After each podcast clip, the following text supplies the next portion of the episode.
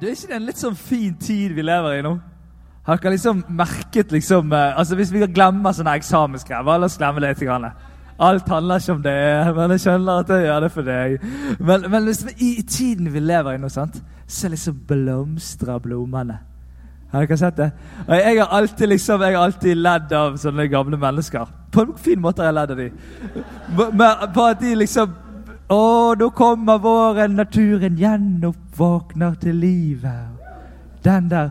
Men så er det litt sånn at nå, har, nå bor jeg litt sånn landet til. da. Eh, og Jeg vet ikke om det er alderen min, men jeg, jeg er blitt litt sånn der, eh, jeg er blitt litt sånn der fascinert av hvordan liksom naturen våkner. Det er helt vanvittig. og Nå har vi sånn at nå har liksom det ene treet blomstret, og så er det ferdig. Så kommer det andre der, og så bare følger jeg liksom den fantastiske, fine greia. Så er det jo noe som vokser som du ikke tenker du burde vokse, men, men, det er på en måte veldig mye bra som vokser. Og det er helt fantastisk å bare følge naturens liksom frodighet og vekst og sunnhet. Det er helt fantastisk å se. Og jeg har blitt liksom berørt denne våren av det. For jeg bare ser hvordan det, liksom, det sunne det vokser. Det, det skjer ting. Det, det blir bra. Eh, og så ser jeg det i mine barn. Jeg ser det hvordan de vokser fram.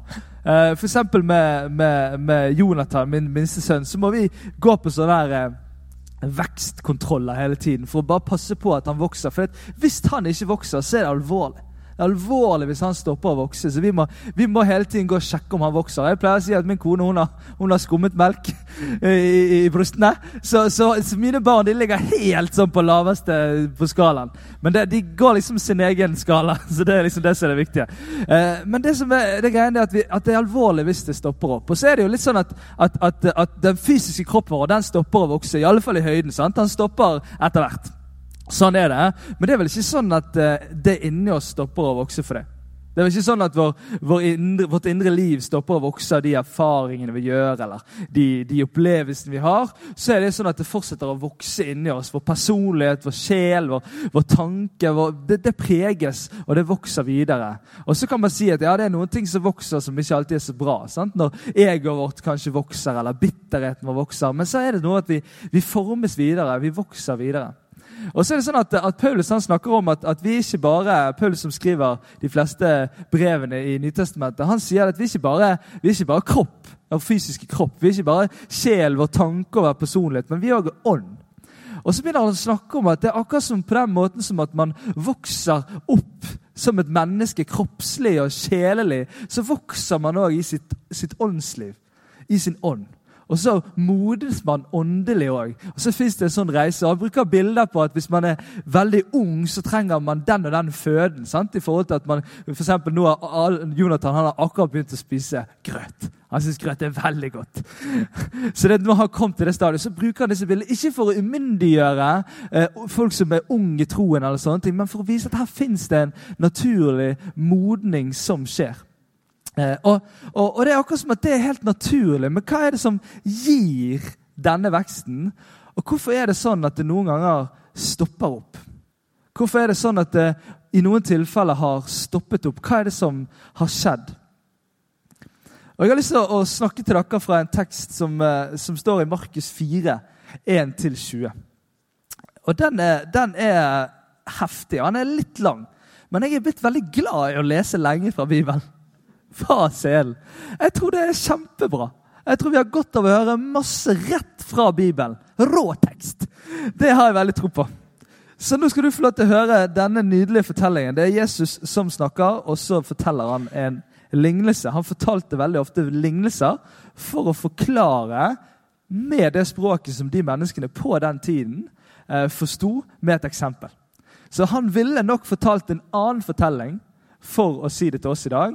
Men vi er så heldige at vi har mange som har oppdaget litt av hvordan det var for de som levde på den tiden. Så da kan vi også klare å forstå det litt gjennom det. Og så er det noe som er litt naturlig i dette her òg. Men det står altså i Markus 4, 1-20. Jesus begynte igjen å undervise folket nede ved sjøen. Det samlet seg en så stor folkemengde omkring han at han måtte gå ut i en båt og sitte i den ute på sjøen, mens hele folkemengden sto på land helt ned til vannkanten. Det er min drøm. Å preke i en båt. Så hvis vi kan få det til å skje en gang, så hadde det vært veldig fint. Jeg har kjøpt meg båt òg, så jeg kan få ordne selv. Han underviste dem om mange ting og la fram sin lære i lignelser. Disse forteller eksempelfortellingene.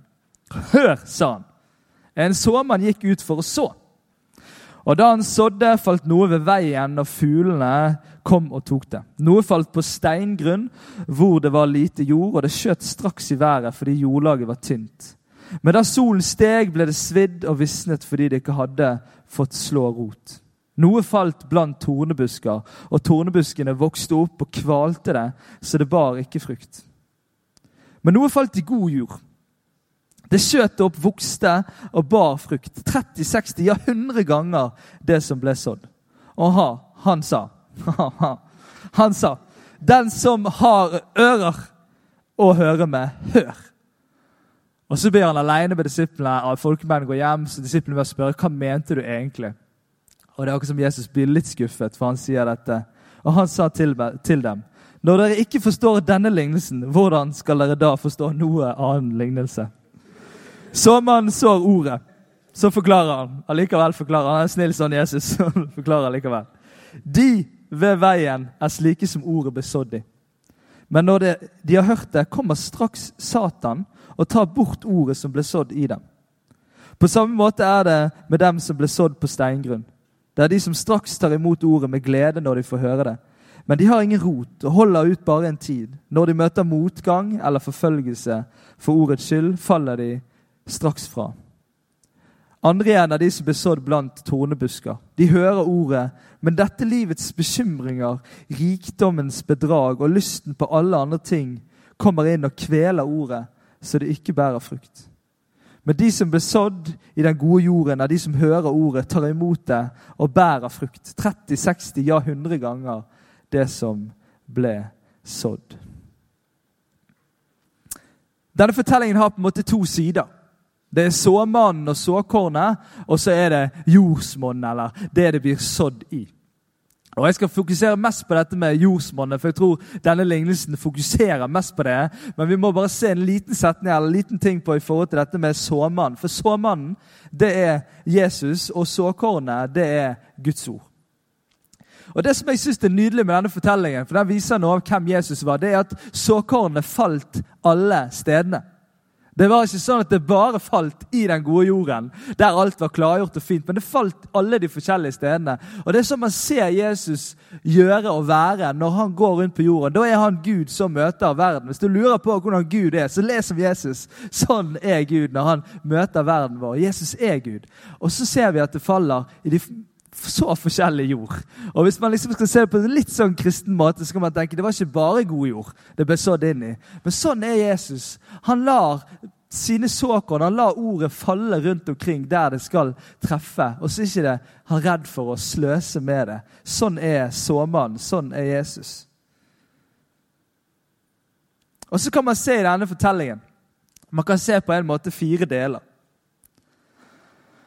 Du har det som øh, faller på veien, og så tar fuglene. Du har det som går på steingrunnen med lite jord, og solen svir det vekk. Det får ikke slå rot, og det forsvinner.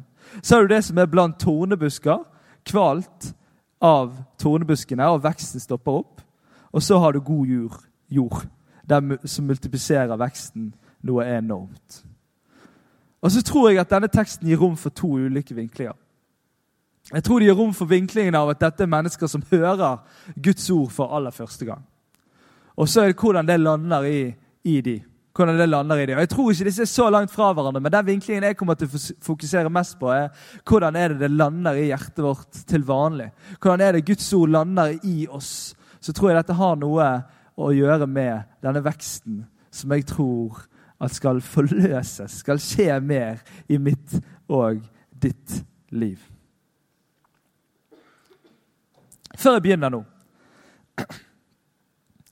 så er det sånn at jeg har egentlig ikke noe voldsomt særlig personlig behov for å si resten av denne talen.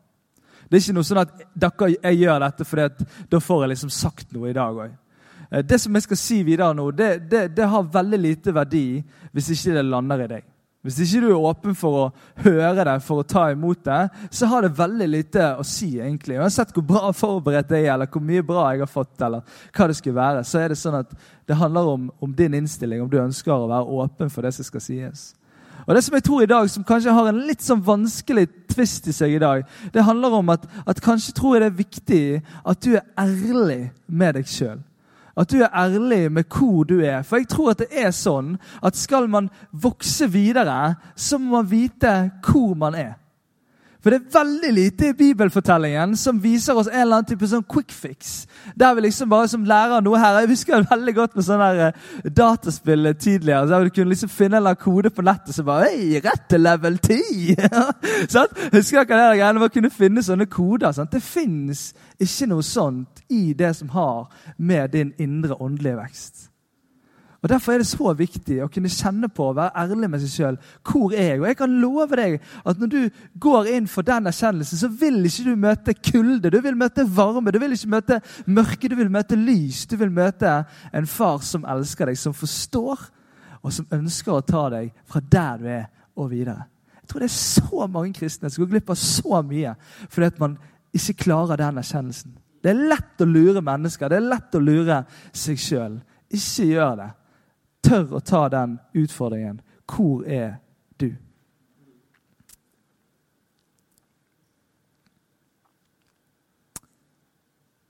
Det første det lander på veien, og fuglene tar det. Det var sånn at Disse åkrene var bygget sånn at de var i forskjellige sånne firkanter, holdt jeg på å si. Og så var det veier imellom. som gikk imellom. Og På veiene der gikk alle folka, der gikk trafikken, der gikk ting, og der ble det trakket hardt. Og da ble det helt steinhardt. Og det som skjer da, er jo at selvfølgelig blir disse såkornene blir liggende oppå. sant? Disse frøene blir liggende oppå, og det blir enkelt for fuglene å komme og ta det.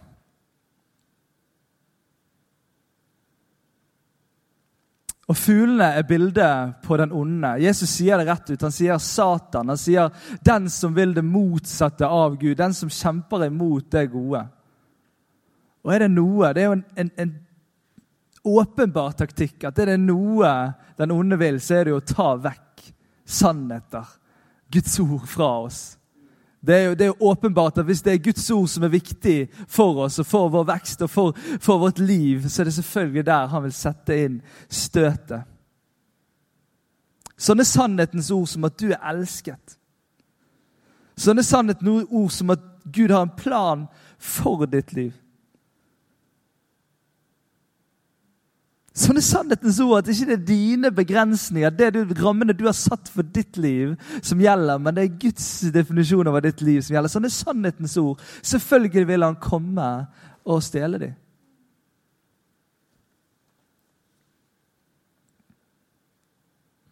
For blir sånne sannheter liggende på utsiden av oss, så mister vi dem så fort. Og På samme måte som at veien mellom åkrene var blitt hard pga. at mennesker har tråkket over det, så tror jeg det er blitt litt sånn i ganske mange menneskers liv. Hjertene har blitt harde fordi at, fordi at mennesker har valset over dem. Mennesker som ikke tenkte seg om, mennesker som bevisst gjorde vonde ting. Og så har de valset over dem, og så har hjertene blitt harde. Og så lander disse nydelige sannhetens frøene på toppen, og så blir de enkelt å ta vekk.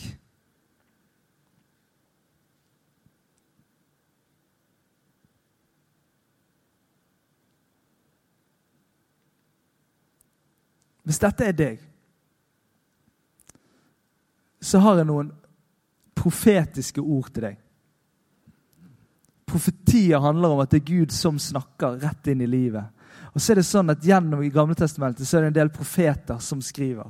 Så skriver profeten Esekiel et ord til deg. Og Jeg har lyst til at du skal ta dette ordet til deg, det som jeg leser her nå. I Esekiel 36, 26. Det er Gud som sier dette inn i ditt liv. Ok? Jeg gir deg et nytt hjerte, og en ny ånd gir jeg inni deg. Jeg tar steinhjertet ut av kroppen din og gir deg et kjøtthjerte istedenfor. Du vet at Gud han er verdens beste hjertekirurg. Han er helt rå på det som har med hjertet, det som er ditt indre deg, det som er deg helt der inne på innsiden. Det er han helt rå på, på å gjøre om. Han sier ikke at du bare skal fikse litt på det, sånn at det skal gå rundt og, og rulle og gå. Nei, han skal, han skal gi deg et nytt hjerte. Og Så kan det bli litt ekkelt nesten når det fysiske hjertet, men det er bløtt. Det er ikke hardt. Det er bløtt, det er formbart. Det lar seg forme. Så gir han deg et nytt hjerte, og så gir han deg en ny ånd. Den hellige ånd som skal få de, de ordene skal ikke bare bli en tanke i ditt hode, men det skal få lov til å lande inn i ditt hjerte og, og forandre hjertet ditt. Det er Guds ord som virker.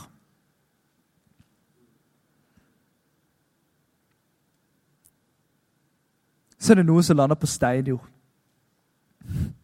Det vokser, men det slår ikke rot. Og Det som vokser fort, det har en tendens til å falle fort òg. Derfor er det sånn, og Jeg, jeg overhørte en, en samtale med, med, mellom min kone og Sandra, møteleder her, for ikke så lenge siden. Og Der snakket de om denne tomatplanten som vokser. Ja, den er veldig fin. Og så er det sånn at denne tomatplanten den trenger Du må faktisk holde liksom litt nede veksten til tomatplanten, for ellers så blir den veldig høy og slank. Og så, så, så kommer den tomaten og bare Og det er kjempedårlig stemning. Knekker den, og så blir det ikke bra tomat. Men den trenger å vokse i et riktig tempo. Og så er det noe med at det må være litt sammenhenger mellom det vi ser, altså det, den planten vi ser vokse, og det som skjer under jorden, og røtter som slår rot. Og Det som er noe av problemet med steinjorden Veksten skjer jo fort, men det er dybden som er problemet. Og det er akkurat som at Jeg tenker på dette i eget liv, at det er akkurat som det noen ganger ligger noen sånne steiner i meg som gjør at når noen blir sådd inni meg, så kommer det et visst stykke, men så treffer det en eller annen stein. Så treffer det et eller annet, så bare ligger av en eller annen fortelling der og sier Gud, den fortellingen kommer ikke du forbi. Den fortellingen, Det som skjedde der, det kommer ikke du forbi. Her stopper det opp, og så stopper det opp for tidlig. Og så får ikke det slippe helt inn, og så ender det opp med å bli noe som jeg ikke forstår kan være negativt med solen. For jeg tenker solen er veldig positiv. Men vi er i en kontekst der solen svidde. Hvis ikke det var næring, hvis ikke vi var kommet langt nok ned, så svei det vekk.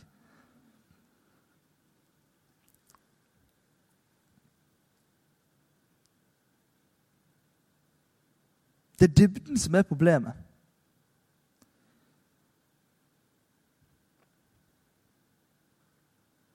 Vi blir så lett lurt av det synlige. Det synlige som vi kan se, er i vårt eget liv og inn i andres liv. Men det er ofte de usynlige, i det usynlige at sannheten om hvor vi er, og hvem vi er, ligger. Alexander Botten, en av pastorene i vårt land, holdt på å si, som er Ålesund nå og på vei videre, han, han, har vært her og prekt noen ganger. Han, han sa noe som, som satte spor i meg for noen år siden. Der han sa den du er helt alene når ingen ser deg, den er den du egentlig er.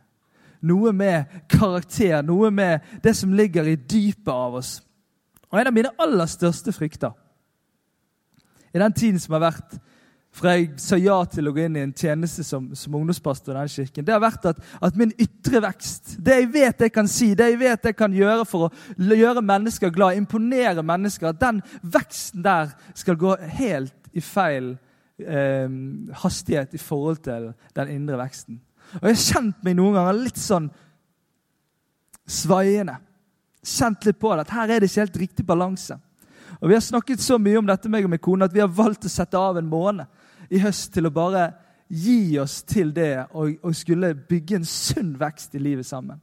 Vi har løpt litt kjapt de siste årene. Vi har vært mange ting som har gjort det sånn, Men vi bare kjente på at her nå begynner det å komme til et punkt der vi kan ikke drive og svaie sånn som dette. Vi må stå stødig. For du vet at det er ikke sånn at det å være kristen er å unngå stormene. Det fins ingenting i bibelfortellingen som sier at stormene ikke kommer til å treffe ditt liv. Men du er blitt lovd noe som skal holde igjennom stormene. Og Da er det ikke det synlige på utsiden som gjelder. Da er det det som ligger under jorden, det som er plantet, tryggheten der du skal få lov. Og Det er sannhetens ord til deg akkurat her i dag. Og det er at du skal få lov til å stå rotfestet og grunnfestet i kjærlighet. Det roper Paulus ut til menigheten i Efesus i kapittel 3 i Efeserbrevet. Nå går det fort her. Roper han ut at du skal få lov til å stå rotfestet og grunnfestet i kjærlighet.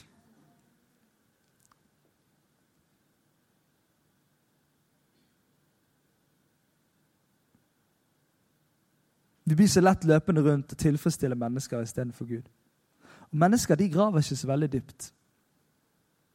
Så blir det lettere enn en Gud som ransaker hele oss. Og Nå snakker vi om en positiv ransakelse. En positiv ransakelse som, som, får lov til å vise hele deg hvem du egentlig er. Som møter deg i sin kjærlighet.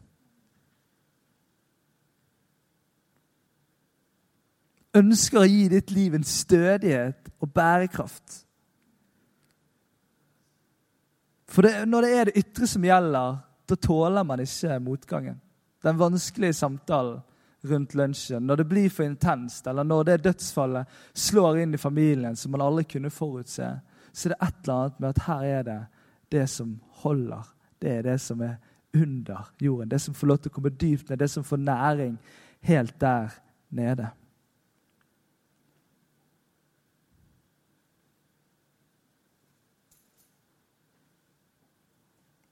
Her ligger det et eller annet. da. En Gud som ser deg for akkurat som den du er.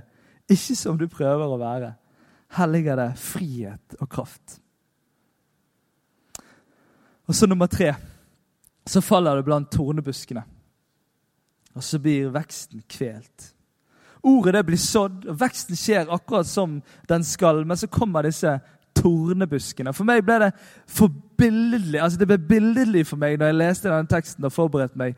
Der jeg så meg sjøl sitte i en en sånn tornebusk. Og der jeg kjenner Uansett hvilken side jeg snur meg til, så stikker det meg overalt. Overalt stikker det hele tiden. Og så er det akkurat som et bilde på det som skjer når disse tornebuskene får komme rundt livet vårt. Og så Uansett hvor vi snur oss, så er det noe vondt. Noe vi bekymrer oss for. Noe som har tatt livet, si, tatt livsgnisten fra oss. Og så sitter vi der, og så vet vi at når bevegelsen stopper opp, når det blir stående helt sånn i ro, så stopper også veksten.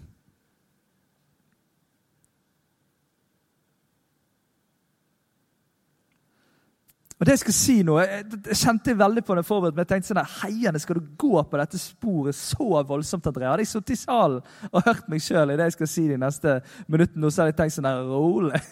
det var da voldsomt. Men jeg tror her er det et eller annet. Det er en eller annen sannhet som jeg har lyst til å trykke litt skikkelig på her. Som jeg bare kjenner på at, at, at preger eh, vårt land og vi som er kristne i Norge. For du vet at over 25 av de velvalgte ordene Jesus sier, som blir skrevet ned og blir lagt inn i den som er Guds ord, Bibelen, så snakker han om forvaltning av penger. Så snakker han om forvaltning, hvordan vi skal forholde oss til penger.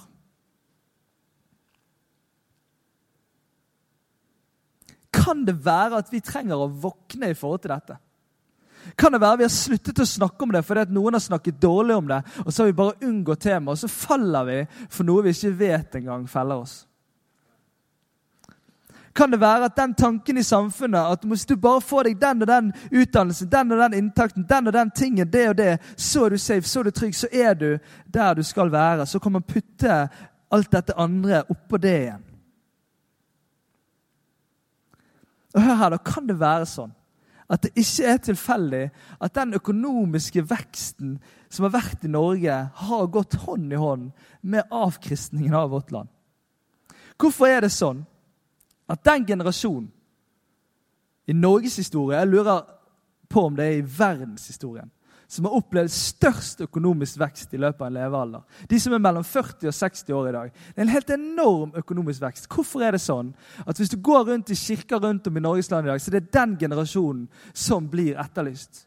Hvor er de henne?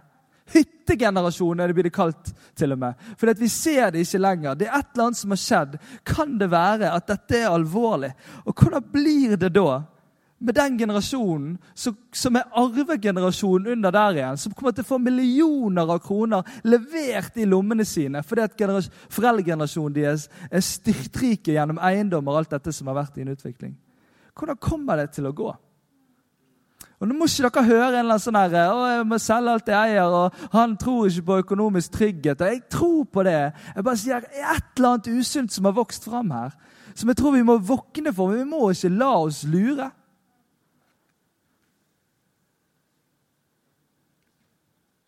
Det er ikke ofte jeg sier dette.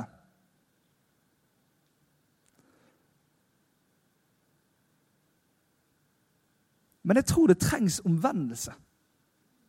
Jeg tror man trenger å snu seg vekk fra noe for å gå en annen vei. Jeg eh, kjøpte meg en altfor ny og dyr bil for ca. ett år siden. Vi måtte ha to biler. Og vi tenkte det mest kristne var å kjøpe elbil. Bil. Er det riktig? Ja, det var riktig. Og så uh, syns jeg at vi betalte altfor mye for denne elbilen. Uh, og jeg har vært vant til å kjøre sånne biler som jeg tenker at du kan være siste stoppested hos meg.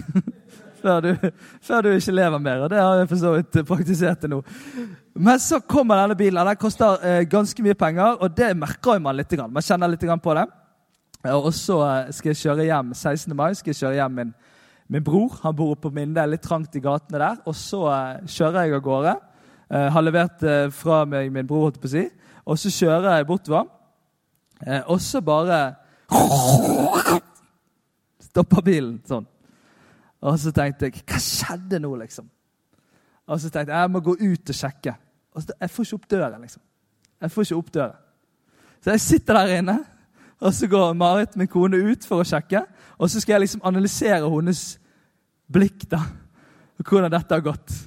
Og Da skjønte jeg veldig fort at dette har ikke gått bra. Jeg skjønte jo det når jeg ikke fikk opp døren. at det er relativt dårlig stemning. Og Jeg klarer jo å komme ut den andre døren og gå ut og se på dette. Og Jeg gikk inn i et så enormt sånn mørke. Det var helt forferdelig. Jeg bare tenkte nå er livet over, liksom. Og Det, liksom, denne, det hadde det som var greien da, jeg, jeg, jeg, kunne gjort mye galt den dagen, her, men jeg gjorde ikke så mye galt. Men det som var greien var at, at, at, at det hadde stått en port ut i veien. Man lar ikke porten stå ut i veien. sant? Jeg, jeg holdt på å gå på en dør der, men jeg gjorde ikke det. Så Porten står ut i veien, han er grønn, og hekken bak er grønn, og solen sto imot. Ingen av oss så han, bare porten startet sin første berøring framme ved frontlyset og lot seg liksom føre helt bak til bakerste eh, eh dør. Så det var en ganske bra, bra greie. Og så var det sånn at dette var 16. mai. Og Det betyr at jeg kunne ikke, jeg ringte forsikringsselskapet, de registrerte saken, men jeg fikk ikke vite noe. Så den 17. mai det var en mørk 17. mai. Folk var glade, feiret livet og friheten. Jeg sa hva dere holder på med, liksom. Har dere sett lifen min? Den er ødelagt. Jeg kan ikke kjøre eller jeg kommer ikke inn døren engang. Og det var, jeg var helt nede i bunnen. da. Og så plutselig jeg bare kjente på det. Jeg bare, Hvordan kan dette treffe meg så vanvittig dypt? Hvordan er det mulig at dette Ingen ble skadet, ingenting skjedde egentlig sånn. Og så berører det meg på den måten. Det satte meg helt ut. Og Jeg bare kjente på det. Jeg husker fortsatt prat med mat. Jeg bare kjente, jeg må vende meg om fra dette. Hva er dette for å ta tak i livet mitt? Jeg hadde heldigvis bare hatt den en uke. Og jeg lurer litt på Jeg tror ikke Gud gjorde det. At han fikk meg til å krasje bil. Men jeg lurer på om han fikk meg til å krasje den 16. mai. Sånn at jeg ikke fikk noe svar før 18. mai. Sånn at jeg måtte gå den reisen og bare kjenne Hva treffer dette i livet mitt? liksom? Hva er det her for noe? Skal jeg ikke liksom vippe fundamentet i livet mitt at en eller annen bil som går på strøm, blir litt ødelagt? Men det ble litt alvorlig for meg.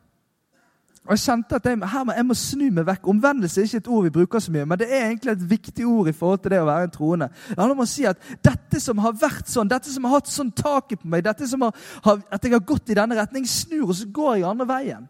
Så bestemmer jeg for at dette vil ikke at skal være noe. Ja, jeg kan falle tilbake igjen og kjenne på det, men jeg, jeg, jeg skal gå en annen vei. Jeg snur meg. Eh, det er omvendelse. Jeg tror faktisk at det trengs omvendelse her i dag. Og Det er ikke sikkert det handler om en, en, en, leilighet for deg eller det handler om en bil for deg. Kanskje handler det om den utdannelsen som du bare klamrer deg til. Fordi at du bare tenker at Hvis jeg bare klarer det greiene der, da er alt bra. liksom. Og så kommer det til så noe i livet ditt som gjør at når du får en jobb, så blir det den du klamrer deg til. Og så klamrer du deg til sånne ting som er ustødig, som ikke har noe. Så begynner det å vokse ting i hagen din, så begynner det å vokse ting inni livet ditt som gjør at du blir, til slutt så står du der. Og så er du bekymret for ufattelig mye greier. Og så har du fått en, en lyst etter ting som du ikke trodde du hadde lyst på engang. Fordi du har bare blitt fanget inn i noe. Og så skal ikke jeg mørkelegge framtiden i det hele tatt. Det er ikke det jeg prøver på. Men jeg prøver på å si at jeg tror kanskje det trengs en ryddesag i hagen noen ganger. Og det er et ekkelt bilde. Men jeg tror disse tornebuskene de må vekkes. Og vi må la gartneren få lov til å fjerne det der greiene der som har vokst fram i livet. Og For meg ble det bare en sånn dag der jeg bare kunne bestemme for at jeg skal ikke bli glad i tingene mine. Jeg skal ta vare på dem, jeg skal forvalte dem, men jeg skal aldri bli glad i dem. Jeg skal ikke bli glad i en liv. Hva er det å være glad i? Ja, men jeg mener det, altså, Dette er seriøst. Dette er et av de største problemene i vårt samfunn. om man tror eller ikke, Og det smitter kirken vår, fordi at mennesker er blitt så glad i ting. Så tar det tak i oss, og så står vi der, og så tør vi ikke det. For det, da kan det være skje det med de tingene og de tingene. de tingene. Og så er vi mistet bevegelsen i livet. For noen handler det kanskje om materielle ting, for noen kan det være det er bekymringer. Fylt av angst og tanker i hodet av at hvordan kan livet gå rundt? Det treffer deg, og det er tanker som berører deg. Og så er det noe jeg har lyst til å lese til deg. Om det er det at du har blitt grepet av ting som gir deg bekymringer, materielle ting, eller om det er tankekjør, eller hva det er. Så jeg har bare lyst til å lese en, en tekst for deg. Og du får ikke den på skjermen engang, for du skal bare lukke øynene og høre. Bandet kan komme fram nå.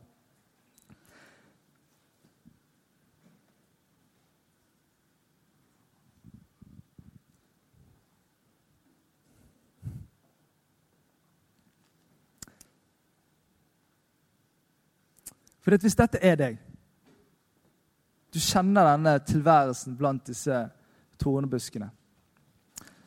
Så jeg har lyst til å si til deg at når du snur deg Når du står der du står nå, så står det en som sier 'kom'. Kom til meg.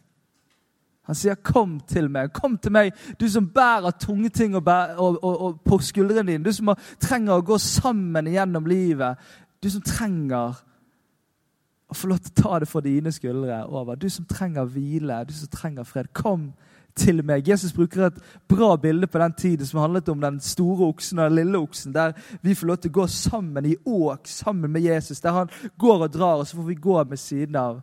Og så er det han som bærer vekten av disse livets bekymringer og tyngden som kan få oss til å bli så krokrygget i vårt hjerte og til og med i vår fysiske kropp. Så alvorlig er det. Så kommer disse ordene. Bare ta imot disse ordene nå. La de synke inn. La de få lov til å slippe helt inn. Jesus som sier, 'Derfor sier jeg dere' Vær ikke bekymret for livet. Hva dere skal spise, eller hva dere skal drikke, eller heller ikke for kroppen. Hva dere skal kle dere med. Er ikke livet mer enn maten? og kroppen mer enn klærne. Se på fuglene under himmelen. De sår ikke, de høster ikke og samler ikke hus, men den far dere har i himmelen, gir dem føde likevel. Er ikke dere mer verdt enn de? Hvem av dere kan vel med sin, all sin bekymring, all sin bekymring, legge en eneste alen til sin livslengde? Og hvorfor er dere bekymret for klærne? Se på liljene på marken, hvordan de vokser. De strever ikke, og de spinner ikke. Men jeg sier dere, selv ikke Salomo, som var en av de rikeste kongene i hele historien vi tror på, i all sin prakt var kledd som en av dem. Når Gud kler gresset på marken så fint, det som gror i dag og kastes i ovnen i morgen, hvor mye mer skal han ikke da kle dere, dere lite troende? Så gjør dere ikke bekymringer, og si ikke hva skal vi spise, eller hva skal vi drikke, eller hva skal vi kle oss med? Alt dette er hedningene, de som ikke tror, opptatt av. Men den far dere har i himmelen, vet jo at dere trenger alt dette. Søk først Guds rike og hans rettferdighet. Så skal dere få alt det andre i tillegg. Så gjør dere ingen bekymringer for morgendagen. Morgendagen skal bekymre seg for seg selv. Hver dag har nok med sin egen plage. Og Så kommer vi til den gode jorden. Den gode jorden der, der, kjøtt, der steinhjertet, det harde som sprellet av, er blitt gjort om til et hjerte som tar til seg liv, som tar til seg sannheter. Som ikke alltid man klarer å kjenne med sitt intellektuelt at kan være sant, men man kan ta imot det i sitt indre og stole på det og leve på det. Den gode jorden der du får stå rotfestet og grunnfestet i Guds kjærlighet, i dybden, så ordet får vokse, og det får gi liv til overflaten. Og det tåler de stormene. Det tåler livet.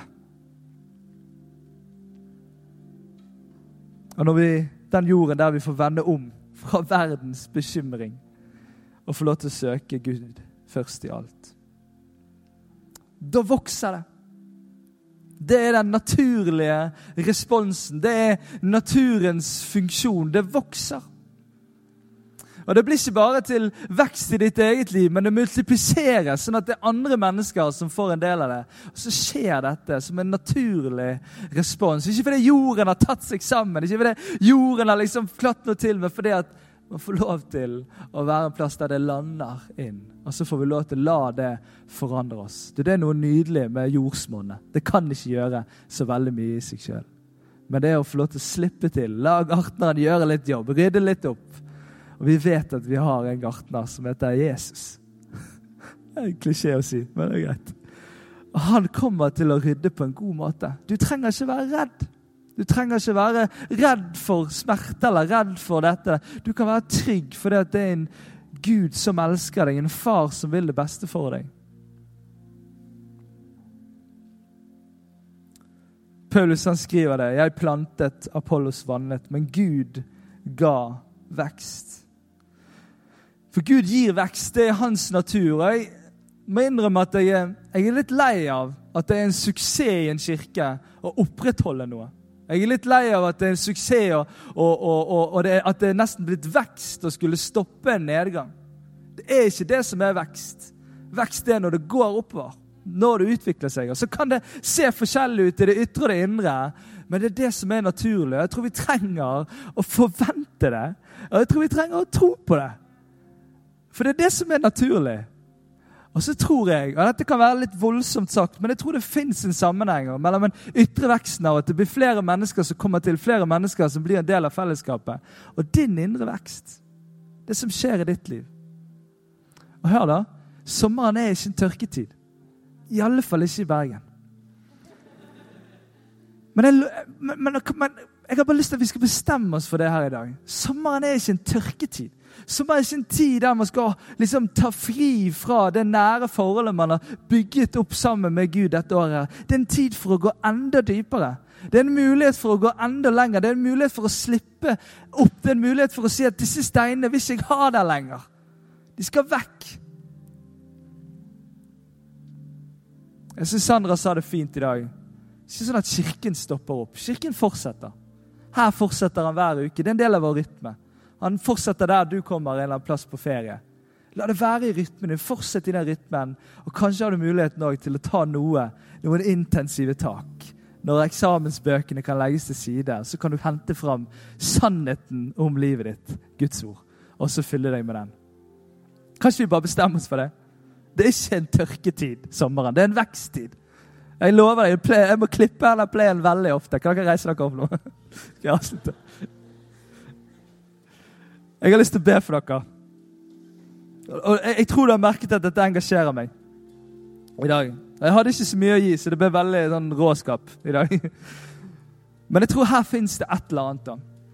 Jeg har bare lyst til å be om en litt sånn frihet i rommet nå. Fordi at, eh, fordi at jeg tror at vi skal ha veldig respekt for hverandre. Jeg utfordret deg når vi begynte denne talen, denne, dette budskapet, at du skulle være ærlig med deg sjøl. Jeg har så lyst til at du skal være ærlig med deg sjøl. At hvis du kjenner at du har vært i berøring med noen av disse punktene jeg har delt i dag, så har jeg så lyst til at du skal be en så enkel bønn. Det fins ingen enklere bønn. Men av og til så ligger den litt langt inne. Av og til så er det vanskelig å be han med hele hjertet sitt, men bare si 'Her er jeg, Gud'. Gjør det som du vil. Gjør det som, jeg, som, trengs i livet mitt akkurat nå. Du ser disse disse tingene. Det har tatt tak. Du ser disse disse fortellingene. Det styrer meg. Du ser hvordan jeg har blitt hard i mitt hjerte. Uten å ville det, uten å prøve på det. Det har bare skjedd. Jeg bare tror noen skal få et nytt hjerte i kveld. Det høres litt voldsomt ut, men jeg tror på det. Nå har jeg bare lyst til å be for deg, og så har jeg lyst til at du skal være åpen for vi tror at Gud er kommet nær. Han kom nær gjennom Jesus, som, som levde her på jorden. Men han har kommet nær gjennom sin Hellige Ånd. Og det er Gud her, sin ånd her med oss. Og Gud er god, og Hans Hellige Ånd er god. Jeg har lyst til å be den enkle bønnen. Hellige Ånd, noe du vil gjøre nå. Noe du vil peke på med din kjærlige, kjærlige hånd og bare vise i mitt liv. Som, som, som bare Her! Dette er ikke bra. At det hindrer den naturlige veksten som skal få lov til å blomstre i ditt liv og inn i andres liv. Så Bare bli med der du står, så ber jeg en bønn inn i ditt liv. Gode Gud, jeg takker deg for at du sår av din sannhet inn i oss, Herre. At din sannhet alltid er bra for oss. Selv om vi noen ganger kan kjenne at han Vi kan tenke på han og, og synes at det er litt vanskelig, så er det noe som når det treffer hjertene våre, så er det alltid godt for oss. Tar det oss videre. Og Herre, jeg bare ber om at folk skal bli fri fra ting som har holdt de fast. Jeg ber om at sånne tornebusker som har vokst opp i løpet av en eller annen eksamenstid eller i løpet av en eller annen periode av livet, jeg bare ber om at de skal vekk, tas vekk. Du skal ta dem vekk. Jeg ber om at vi skal vende oss om fra dem. Si at dette vil ikke vi ha mer. Og så bare ber jeg for, disse, for om det er noen sånne harde hjerter. Der ikke ditt ord får lov til å lande inn, men blir liggende enkelt og bli tatt vekk. Om det er mennesker eller den onde eller hva det skal være. Og jeg bare ber om et nytt hjerte, en ny ånd.